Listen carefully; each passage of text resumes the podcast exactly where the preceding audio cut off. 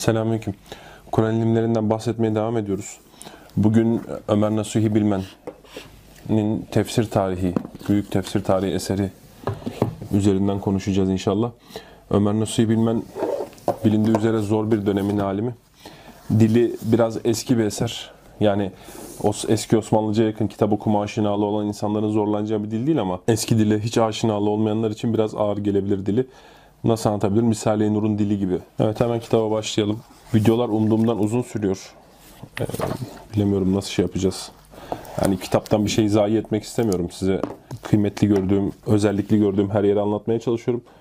Videoların süresi biraz uzun oluyor ama bilemiyorum nasıl yapacağız. Bu haliyle çok uzun sürecek gibi görünüyor. Kur'an'ın resmi hattından bahsetmiş. Önce biraz tefsir usulü meselelerinden bahsettikten sonra tefsir tarihine girmiş. Genelde e, tefsir tarihi yazarlarının e, usulü de böyledir. Çünkü tefsir usulü ile tefsir tarihi biraz iç içe geçmiş bir branştır. Hani tefsir usulünün meseleleri bilinmeden tefsir tarihi hakkında e, fazla bir şey anlatılamaz bir şahsa. Osman, Hazreti Osman'ın musafındaki işte o elif, vav vesaire gibi ziyadeler, işte farklılıklar, bazı harfin bazı yerde vavlı, bazı yerde vavsız, bazı yerde elifli, bazı yerde elifsiz yazılması gibi bir e, şeklindeki durumdan İmam Malik'in böyle bir şeye muhalefet edilemeyeceği, bize daha düzgün gelenle yazamayacağımızdan bahsetmiş. Alusi'den de aynı görüşü nakletmiş. Ahmet bin Hanbel'den buna muhalefetin caiz olmadığından bahsetmiş. Ve Şifa-i Şerif'ten şöyle bir fetva nakletmiş. Müslümanların arasında icma vardır. Yani bütün alimler aynı görüştedir.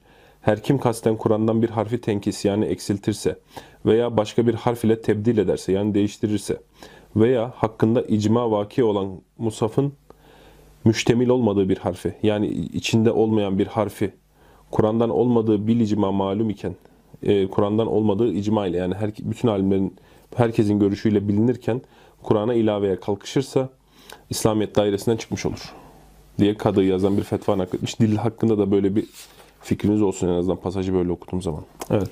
Latin harfleriyle Kur'an yazılması bizde bu belli dönemlerde oluyor. Hani belli başlı insanlar da buna şey yapıyor. Kur'an'ın Arapça lafızlarını Latin harfleriyle yazmaya çalışmaktan bahsetmiş. Ee, Buna dair caiz olmayacağı yönünde fetvalardan bahsetmiş. Çünkü burada e, harflerin birbirine karışması durumu vardır.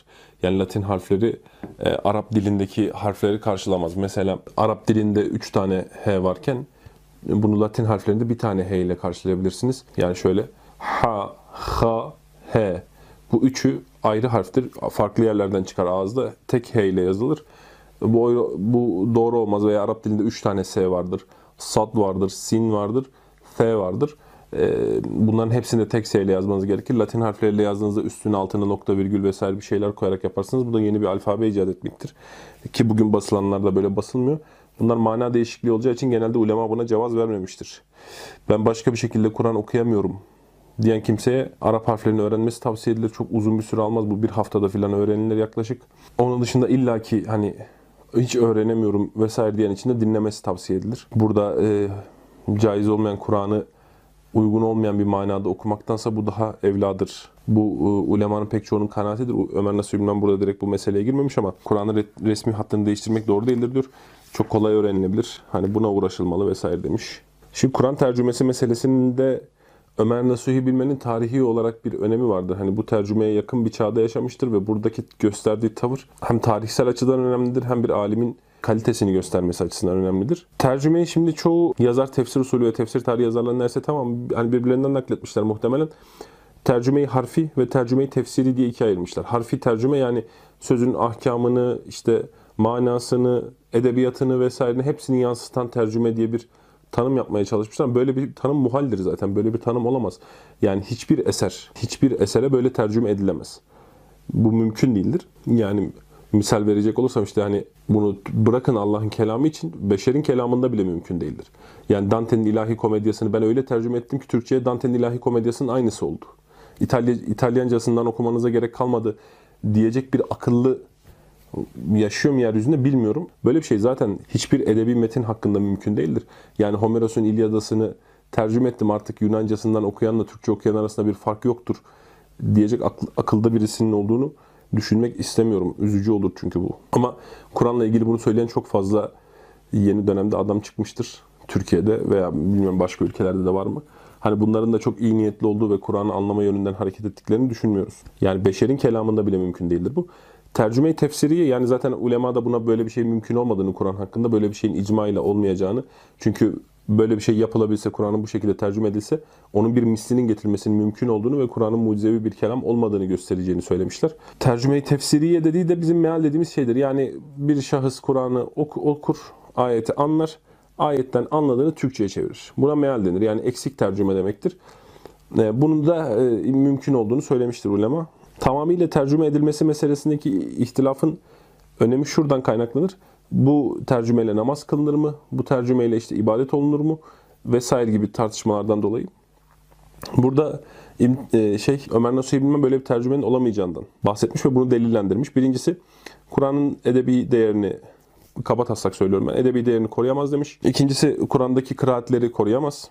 Böyle bir tercüme. Ayrıca demiş ki ilim adamlarımız icma etmişlerdir ki Kur'an-ı Kerim manen rivayet edilemez. Hadis mesela manen rivayet edilir mi tartışılmıştır ama Kur'an-ı Kerim'in manen e, rivayet edilemeyeceği e, icma ile sabittir. Bu ise manayla rivayet olur diyor.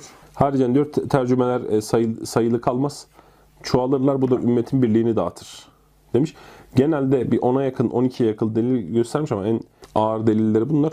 E, Mustafa Sabri Efendi'nin bu Kur'an tercümesi meselesindeki delillerini toplamış ve bunların içinde hani daha kıymetli olan hani delil niteliği olan şeyleri almış. E, Ben o Risale'yi okuduğunu düşünüyorum Mustafa Sabri Efendi'nin Risalesini çünkü oradaki delillere çok benziyor. Ömer Nasuhi Bilmen'in bu ışık kullanımları.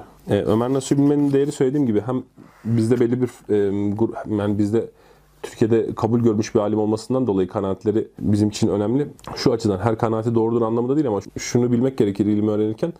O bile mantığı ilmin çok esasındadır. E, o bile mantığından kastımız nedir? Siz mesela işte e, sufilere bir şey anlatmak istiyorsunuz ama ikna edemiyorsunuz. İmam Rabbani'den delil getirdiğiniz zaman İmam Rabbani onun saygı duyduğu bir alim olduğu için sizin sözünüzün kuvveti artacaktır. Veya bir selefiye bir şey anlatmak istiyorsunuz. Ona İmam Rabbani'den delil getirdiğinizde fazla umursamayabilir. Ama ona İbn Teymiye'den delil getirdiğinizde sözünüzün değeri artacaktır. Veya e, işte hadisler konusunda gevşek olduğunu bildiğiniz Mutezile'den mesela atıyorum Zemahşeri'nin e, filan kanaatini naklettiğinizde Zemahşeri bile kabul ediyor. Bunu şeklindeki kullanım önemlidir.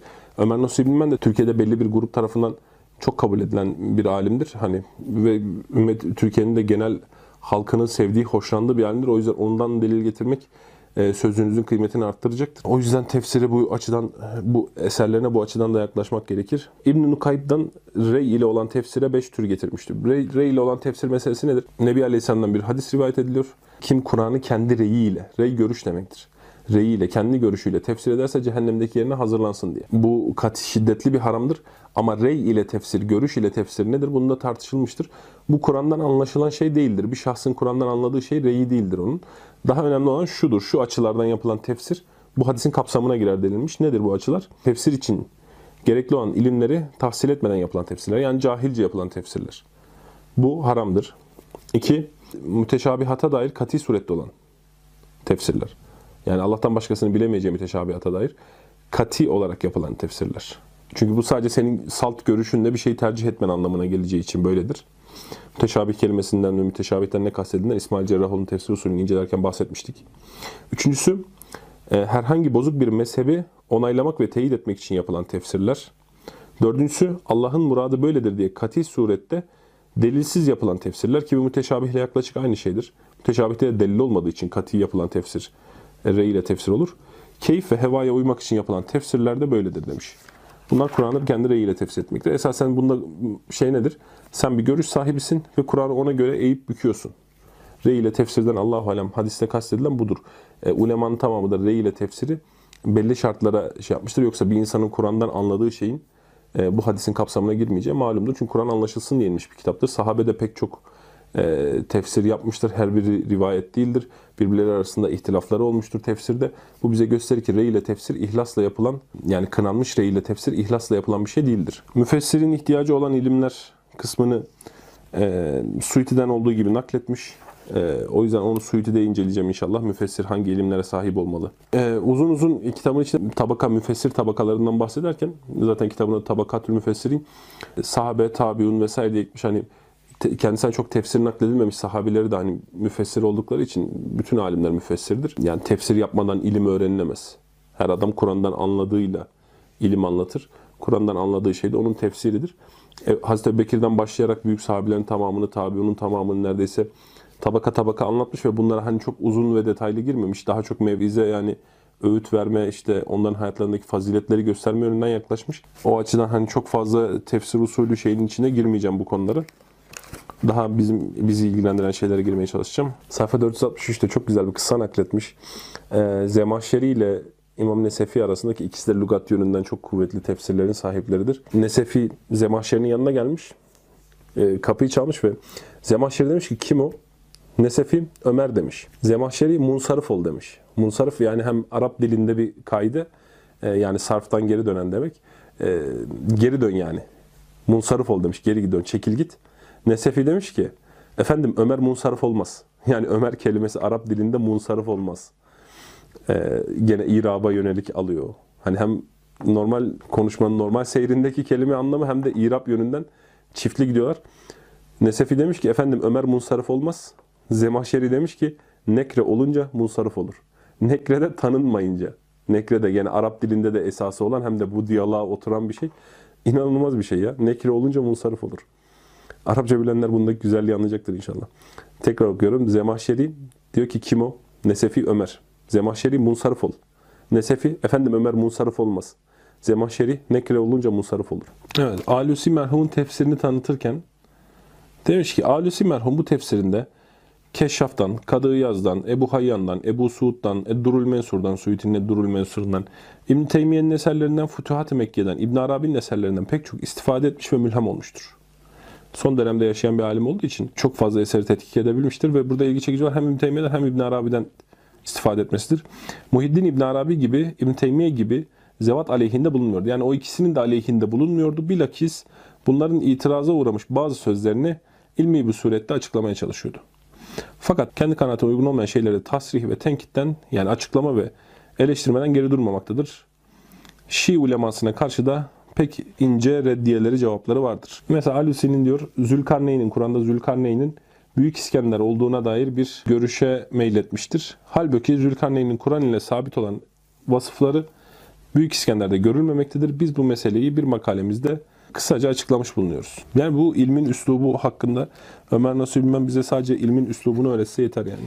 Ha çok hoş bir ana. Elmalı Hamdi Yazır'ın tefsirini de tanıtmış. Özelliklerinden bahsetmiş. Bunlara inşallah değineceğiz. Yalnız şöyle güzel bir anıdan bahsetmiş. Merhum müfessir diyor. Bu güzide eserini yazarken son senelerinde ağır bir kalp hastalığı içinde kıvranıp duruyordu. Elmalı Hamdi Yazır yani tefsirini yazarken ağır bir kalp hastalığı içinde kıvranıp duruyordu. Kendisini her ziyaret ettikçe tefsirini ikmale muvaffak olamayacağı endişesini izhar ediyordu. Yani ben bu tefsiri bitiremeyeceğim, öleceğim herhalde bitiremeden diye üzülüyordu. Çünkü tefsir tamamlanmadığı zaman insana bir şey yapar. Okuyucuyu rahatsız eder. Hani şu belli bir kısmı var, belli kısmı yok diye. Ee, ondan dolayı rahatsız oluyordu yani bitiremeden öleceğim diye ki belli kısımların zaten çok atlayarak geçmiştir. Bazı surelerin neredeyse hiç tefsiri yok gibidir yani Elmalı'nın tefsirinin içinde. Bu hastalığın etkisiyle. Acizleri de yani ben de efendi şu üsluptaki tatlılığa bakar mısın? Acizleri de ben de bu muhterem üstazın ömür ve afiyetine dualar ederek hüsnü niyetle yani güzel niyetle başlamış olduğu e, bu hayırlı eseri ikmale muvaffak olacağına dair kanaatimi kendisine arz ediyordum. Yani ben de ona dua ediyordum. Diyordum ki hani sen inşallah iyi niyetle başladın bu tefsiri tamamlayabileceksin vesaire diyordum. Ne kadar şükrana şayandır ki yani ne kadar şükredilse azdır ki bu mübarek eseri ikmale muvaffak oldu. Tamamlamaya muvaffak oldu. İntişarını müşa müşahede etti. Yani yayılmasını gördü. Tefsir yazdığı tefsirin semeresini gördü. Doğrusu bu eser Türkçe'de dengi bulunmayan pek kıymetli bir tefsirdir.